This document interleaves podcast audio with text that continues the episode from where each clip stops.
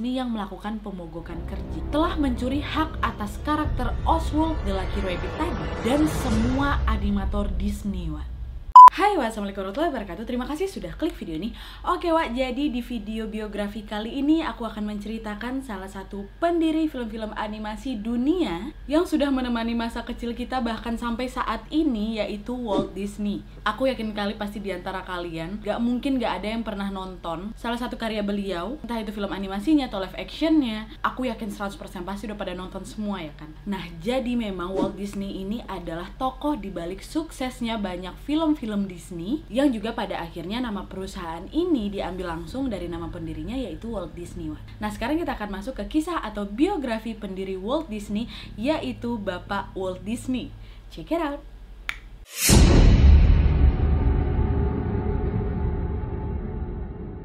Nah, jadi Walt Disney atau yang bernama lengkap Walter Elias Disney ini adalah produser film asal Amerika, sutradara, penulis skenario, aktor suara, animator, pengusaha, penghibur, dan ikon internasional dari Walt Disney. Dia terkenal karena pengaruhnya di dalam dunia hiburan sejak abad ke-20-an. Saudaranya Roy O. Disney adalah asisten pribadi Walt Disney Productions yang kemudian menjadi salah satu produser film terkenal di dunia. Korporasi Walt Disney sekarang dikenal sebagai The Walt Disney Company dan memiliki pendapatan tahunan sekitar 36 miliar dolar Amerika pada tahun pembukuannya di tahun 2010 lalu. Walt Disney sendiri tercatat sebagai produser film dan pemain sandiwara yang begitu populer, wah. Walt Disney juga merupakan inovator animasi dan pendiri theme park Disneyland Wak. Walt Disney dan stafnya sudah menciptakan beberapa karakter fiksi dunia yang sangat terkenal seperti Mickey Mouse Wak. Yang mana Walt Disney sendirilah yang menjadi pengisi suara dari suara Mickey Mouse pertama kali. Nah kalau dari latar belakangnya Walt Disney Wak, ayah Disney ini bernama Elias Disney. Dia adalah seorang pria yang berasal dari Irlandia, Kanada. Sementara ibunya, Flora Cole Disney, merupakan seorang wanita asal Jerman Amerika, Wak. Di sini punya lima bersaudara, empat laki-laki, satu perempuan. Walt Disney sendiri lahir pada tanggal 5 September 1901 di bagian Hermosa di Chicago, Illinois. Dia menjalani sebagian besar masa kecilnya di Marceline, Missouri, di mana di saat itulah dia mulai menggambar, melukis, dan menjual hasil gambarnya itu kepada tetangga dan teman-temannya. Pada tahun 1911, keluarga Walt Disney ini akhirnya pindah ke Kansas City, tempat Disney mengembangkan kecintaannya kepada kereta. Wah, pamannya yang bernama Mike Martin adalah seorang insinyur kereta api yang bekerja di rute antara Fort Madison, Iowa, dan Marceline, di mana nantinya Disney akan melakukan pekerjaan musim panas dengan perusahaan kereta api ini, di mana dia bekerja sebagai penjual makanan ringan dan juga menjual surat kabar kepada para pelancong. Saat remaja Disney ini bekerja di McKinley High School di Chicago, di mana dia langsung mengambil kelas menggambar dan fotografi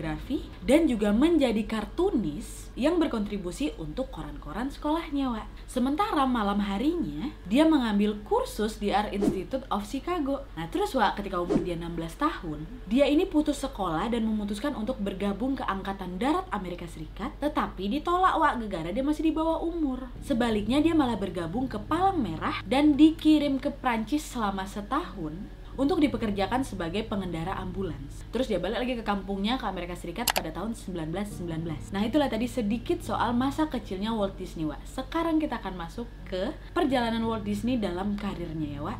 Check it out.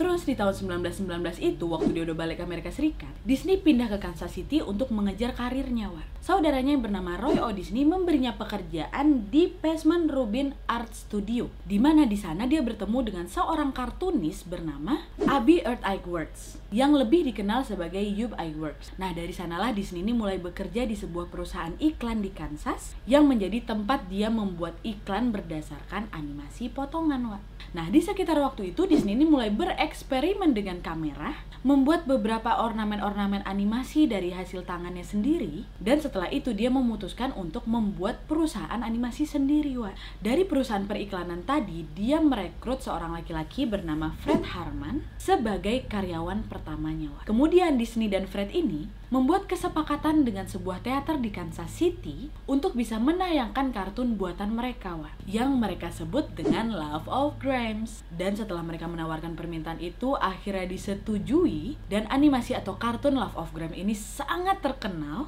yang membuat akhirnya Disney ini dapat membangun studionya sendiri, Wak. Di mana studio ini akhirnya diberi nama dengan nama dia sendiri yaitu Walt Disney. Terus kemudian animasi pertamanya Walt Disney ini yaitu Love of Grams tadi akhirnya memperkerjakan banyak karyawan ya kan. Termasuk iWorks tadi, UB iWorks ingat kan? Tempat dia pertama kali buat iklan itu dan saudara laki-laki si Fred Harmon, partner dia pertama kali yang bernama Huge gabung nih semua di sana Wak. Kemudian mereka melakukan serangkaian dongeng berdurasi 7 menit yang menggabungkan aksi langsung dan animasi Wak yang mereka sebut dengan Alice in Wonderland. Sayangnya di tahun 1923, studio yang sudah mereka bangun ini terlilit hutang gitu Wak, yang akhirnya membuat Disney terpaksa menyatakan kebangkrutannya. Dan setelah mengalami kebangkrutan tadi, Walt Disney dan Roy O. Disney pindah ke Hollywood bersama Yup Iwerks tadi pada tahun yang sama yaitu di tahun 1923 itu. Dan di sanalah mereka bertiga kembali move on dan kembali memulai studio kartun Disney Brothers. Wah. Dan tidak lama kemudian perusahaan tersebut pun berganti nama menjadi Walt Disney Studio atas sarannya Roy O'Connor, Wah. bukan Disney Brothers lagi. Kesepakatan pertama dari Walt Disney Studio ini adalah dengan menjalin kerjasama dengan seorang distributor New York bernama Margaret Winkler untuk bisa mendistribusikan kartun mereka tadi, yaitu Alice in Cartoonland.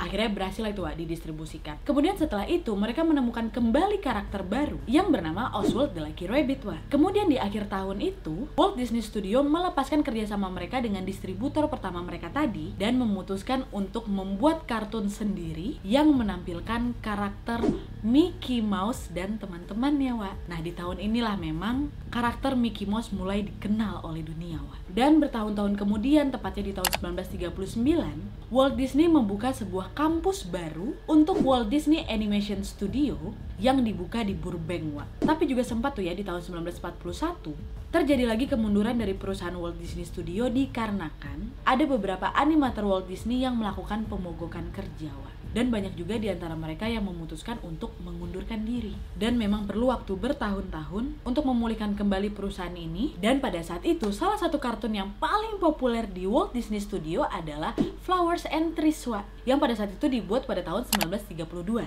Kenapa populer, Wak? Karena Flower and Trees ini merupakan kartun pertama mereka yang diproduksi dalam warna, Wak. Jadi udah berwarna tuh nggak hitam putih lagi. Dan Flowers and Trees ini juga banyak memenangkan Oscar, Wak. Dan pada saat itu juga di tahun 1933, kartun selanjutnya yaitu The Three Little Pigs dengan lagu utamanya yang berjudul Who's Afraid of the Big Bad Wolf menjadi tema negara di tengah-tengah depresi hebat mereka.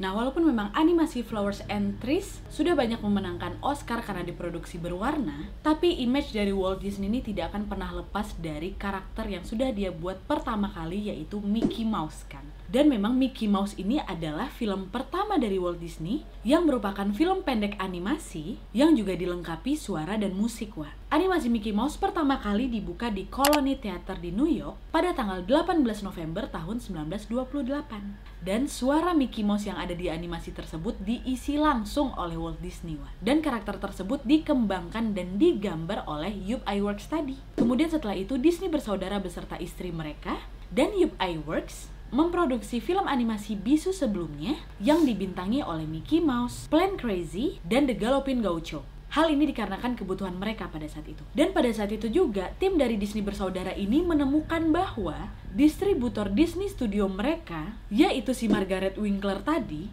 beserta suaminya yang bernama Charles Mintz, telah mencuri hak atas karakter Oswald the Lucky Rabbit tadi dan semua animator Disney kecuali Iwerks. Mereka bikin yang baru lagi nih, Wak kayak dikhianati lah si Disney bersaudara nih yang pada saat itu membuat dua film Mickey Mouse pertama mereka gagal didistribusikan lah. Dan kemudian di tahun 1929, Disney bersaudara tetap kompak dan membuat karakter-karakter baru di mana mereka menciptakan Silly Symphonies, yang menampilkan teman-teman barunya si Mickey Mouse, yaitu Minnie Mouse, Donald Bebek, Goofy, dan Pluto. Dan selain itu juga Disney sudah memproduksi 100 film layar lebar dan animasi berdurasi penuh pertama mereka adalah Snow White and Seven Dwarfs atau Putri Salju dan Tujuh Kurcaci yang ditayangkan perdana di Los Angeles pada tanggal 21 Desember 1937. Aku sampai sekarang film itu masih kuingat kali loh. Dan memang wah akhirnya film itu berhasil mendapatkan kepopuleran dan film itu juga sudah menghasilkan keuntungan sebesar 1,5 juta dolar Amerika di mana itu merupakan angka yang tidak pernah mereka bayangkan sebelumnya. Terlepas dari tekanan mereka, pada saat itu film Snow White ini akhirnya memperoleh 8 penghargaan Oscar. Dan hal inilah yang membuat Walt Disney menyelesaikan rangkaian film animasi berdurasi penuh lainnya selama lima tahun ke depan. Seperti Pinocchio, Fantasia, Dumbo, Bambi, Cinderella, Alice in Wonderland, Peter Pan, dan masih banyak lagi. Sampai akhirnya juga pernah tuh di tahun 1964, salah satu film mereka yaitu Mary Poppins menjadi kesuksesan besar terakhir Walt Disney yang dia hasilkan sendiri. Di mana di film Mary Poppins ini, Walt Disney berhasil memadukan aksi langsung dengan animasi. Dan biar kalian tahu juga, Walt Disney ini merupakan orang pertama yang menggunakan televisi sebagai media hiburan pada saat itu di mana dari hasil karya Walt Disney ini banyak sekali menghibur para penonton di setiap hari Minggu malam dan di saat ini juga lah Walt Disney mulai mempromosikan taman hiburan barunya yaitu Disneyland Wah.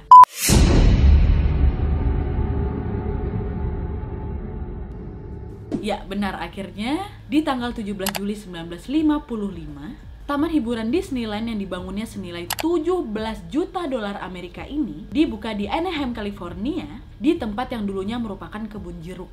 Aktor dan calon presiden Amerika Serikat pada saat itu, yaitu Ronald Reagan, memimpin kegiatan pembukaan Disneyland tersebut. Setelah hari pembukaan yang penuh gejolak itu, karena juga sempat mengalami beberapa kecelakaan gitu, Wak. Jadi memang nggak begitu mulus pada saat ingin membuka Disneyland tersebut. Tapi akhirnya pembukaan situs itu berjalan dengan lancar di tanggal 17 Juli tersebut. Disneyland akhirnya terkenal sebagai tempat di mana anak-anak beserta keluarga mereka ini dapat menjelajah, menikmati wahana dan bertemu dengan karakter-karakter Disney, Wak. Dan dalam waktu yang sangat singkat, taman tersebut telah meningkatkan investasinya sampai 10 kali lipat dan juga menghibur wisatawan dari seluruh dunia. Dan memang Disneyland aslinya ini juga sempat mengalami pasang surut setelah kehadirannya selama bertahun-tahun. Dan sampai saat ini pun Disneyland berhasil memperluas jaringannya dari waktu ke waktu dan bercabang secara global seperti di Orlando, Florida, Tokyo, Paris, Hong Kong, dan Shanghai. Dan kalian tahu, dalam beberapa waktu setelah Disneyland itu dibuka, Disney kembali memulai rencana baru untuk membuat taman hiburan baru lagi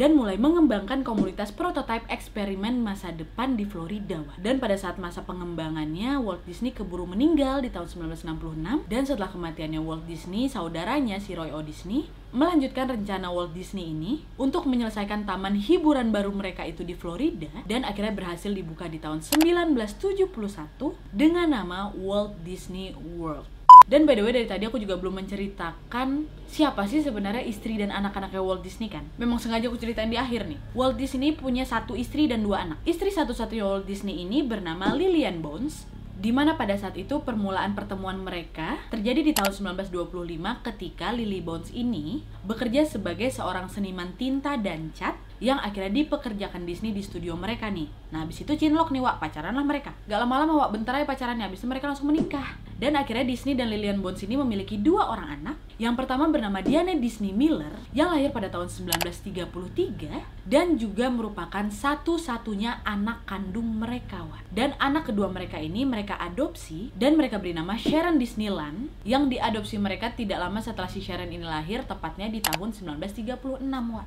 Dan setelah tumbuh dewasa, anak kandungnya si Diana ini, beserta suaminya yang bernama Ronald Miller, memiliki tujuh orang anak, Wak. Christopher, Joanna, Tamara, Walter, Jennifer, Patrick, dan Ronald Miller Jr. Tujuh nih cucunya Walt Disney. Dan Sharon bersama suami pertama dia, yang bernama Robert Brown, mengadopsi seorang putri yang diberi nama Victoria Disney, Wak. Kemudian mereka bercerai, si Sharon ini menikah lagi dengan seorang laki-laki bernama Billan, yang merupakan seorang pengembang real estate gitu. Dan Sharon berhasil melahirkan anak kembar yang mereka beri nama Brett dan Michelle tepatnya di tahun 1970. Jadi ada 9 nih Wak cucunya Walt Disney. Tapi sebenarnya sisi keluarga dari si Sharon atau anak angkatnya Walt Disney ini terlibat beberapa kontroversi setelah kematiannya di tahun 1993 wah. Karena pada saat itu setelah meninggalnya Walt Disney ya ahli warisnya lah yang meneruskan pengembangan dari Walt Disney kan wah. Tapi pada saat itu berkembang rumor yang mengatakan bahwa cucunya Walt Disney dianggap oleh si Diana atau anak kandungnya Walt Disney ini tidak dapat mengelola uang-uang perusahaan mereka ini dengan baik wah. Yang akhirnya menyebabkan tuduhan dari banyaknya konspirasi, ketidakmampuan mental, sindir-sindiran, sampai masuk ke persidangan selama dua minggu tepatnya pada bulan Desember tahun 2013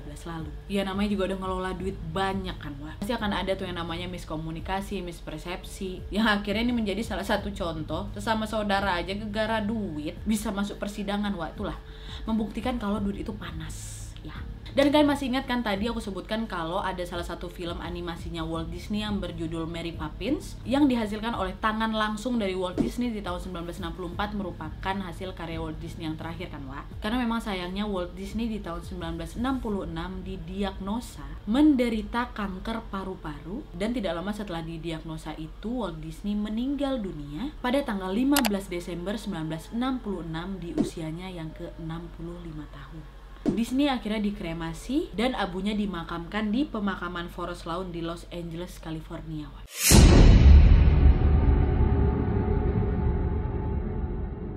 Tapi sebenarnya setelah meninggalnya Walt Disney ini ada beberapa rumor-rumor yang merebak terkait rumor seputar kematiannya Wak. Karena pada saat itu sebuah rumor merebak di mana dikatakan bahwa sebenarnya Walt Disney ini mungkin masih hidup dalam arti yang lain Wak. Karena rumor tersebut mengatakan bahwa sebenarnya tubuhnya Walt Disney ini tidak dikremasi, tapi dibekukan dan terkubur jauh di bawah perjalanan Pirates of Caribbean di Disneyland Anaheim di California. Wak. Tubuh yang sedang dibekukan itu sedang menunggu hari ketika teknologi medis akan cukup maju untuk menghidupkan kembali si pendiri Walt Disney ini, Wak. Makanya nggak dikremasi, ya, disimpannya berharap suatu saat ini bisa dihidupkan lagi gitu. Kenapa demikian? Karena orang-orang yang menyebarkan rumor tersebut percaya bahwa Walt Disney ini memiliki ketertarikan untuk bisa mengubah masa depan Wak. Dan selama bertahun-tahun para pendukung rumor ini yang juga kelihatannya kayak nggak mungkin gitu, tapi mereka berhasil mengutip beberapa kerahasiaan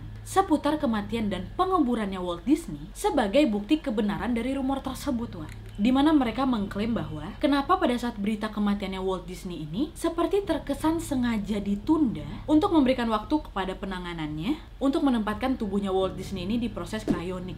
Kryonik itu apa, Wak? Kryonik ini adalah pembekuan suhu rendah dari mayat manusia atau kepala yang terpenggal dengan harapan resusitasi mungkin terjadi di masa depan.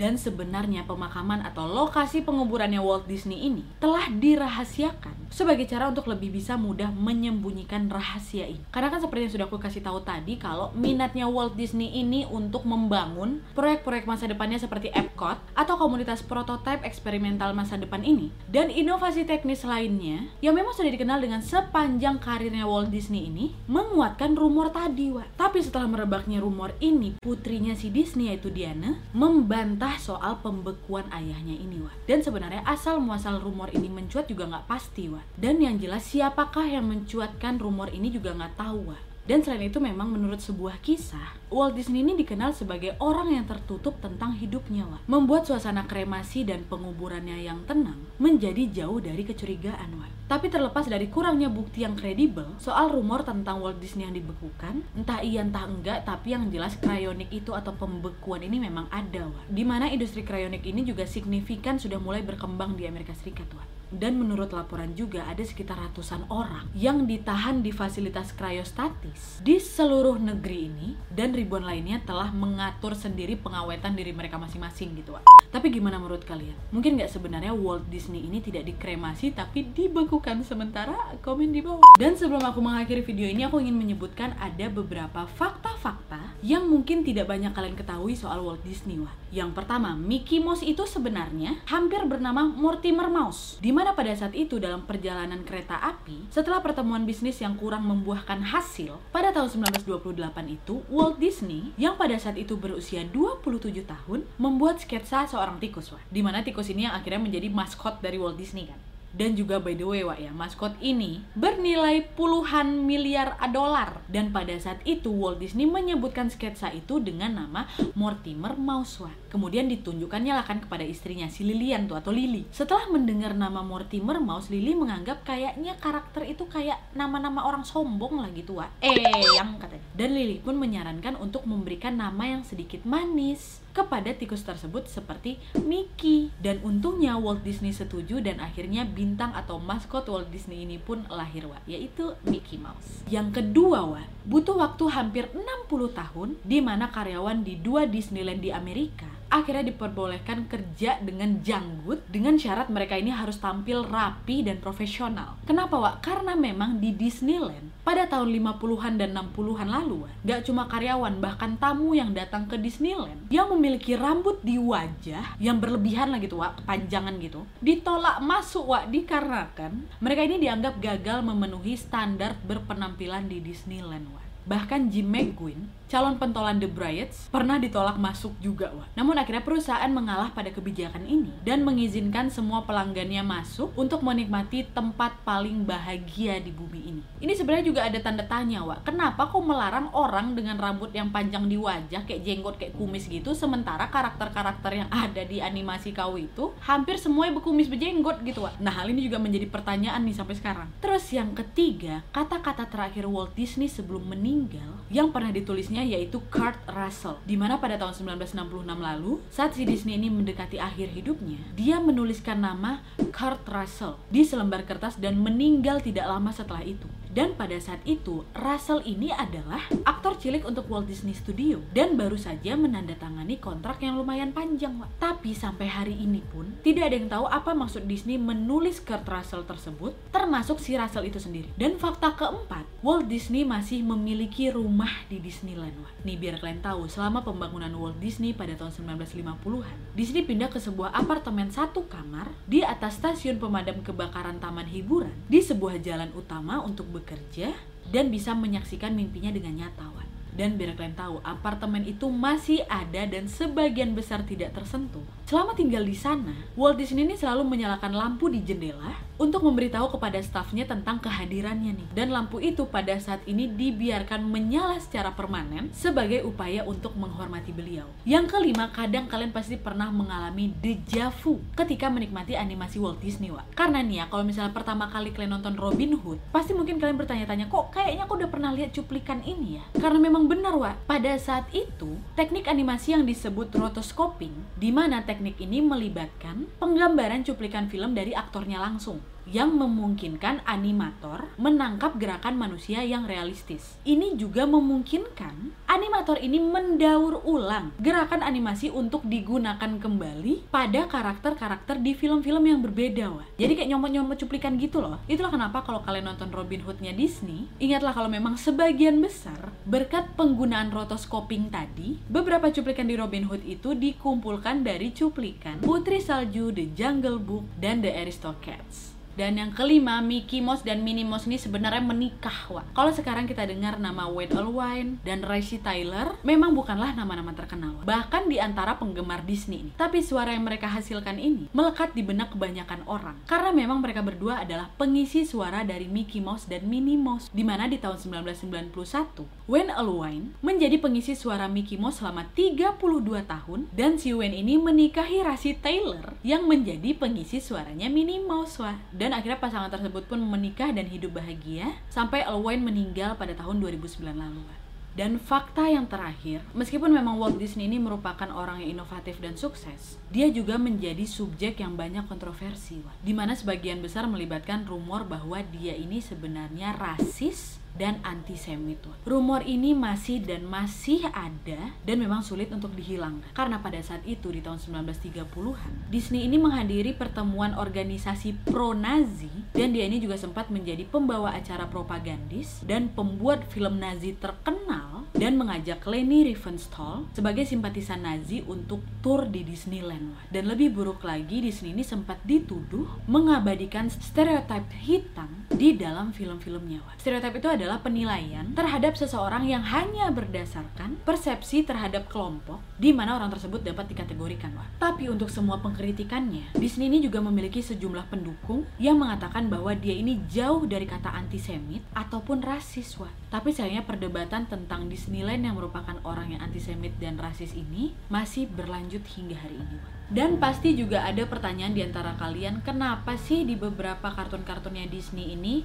khususnya karakter-karakter princess, tidak pernah menampilkan sosok ibu kan? Ada dua alasan nih, Wak. Alasan pertama, tentang kepraktisan pembuatan film. Karena memang durasi film Disney ini kurang lebih 90 menit. Jadi kalau misalnya dimasukin karakter ibu yang bercerita tentang pertumbuhan anak-anaknya, bisa makan waktu gitu, Wak. Jadi akhirnya dihilangkan nih. Dan alasan kedua nih, katanya ini menyangkut masa lalunya si Walt Disney, di mana pada tahun 1940, Walt Disney ini berhasil membeli sebuah rumah dan mengajak orang tuanya untuk tinggal di sana. Sewaktu mereka pindah ke sana, tungku rumah mereka itu rusak, Wak. Dan Disney meminta seorang pekerja studio untuk mencoba memperbaikinya. Tapi sayangnya pekerja studio yang dia suruh memperbaiki itu nggak tahu caranya, Wak. Akhirnya membuat tungku tersebut meledak gitu. Dan esok paginya, pengurus rumah tangga rumah tersebut mendapati ayah dan ibunya Walt Disney sudah tergeletak di lantai, di mana nyawa ayahnya masih berhasil diselamatkan, namun tragisnya ibu Walt Disney meninggal di tempat. Wak. Dan sejak saat itu katanya Walt Disney ini dihantui perasaan bersalah dan menganggap bahwa dirinya lah yang menyebabkan kematian dari ibunya.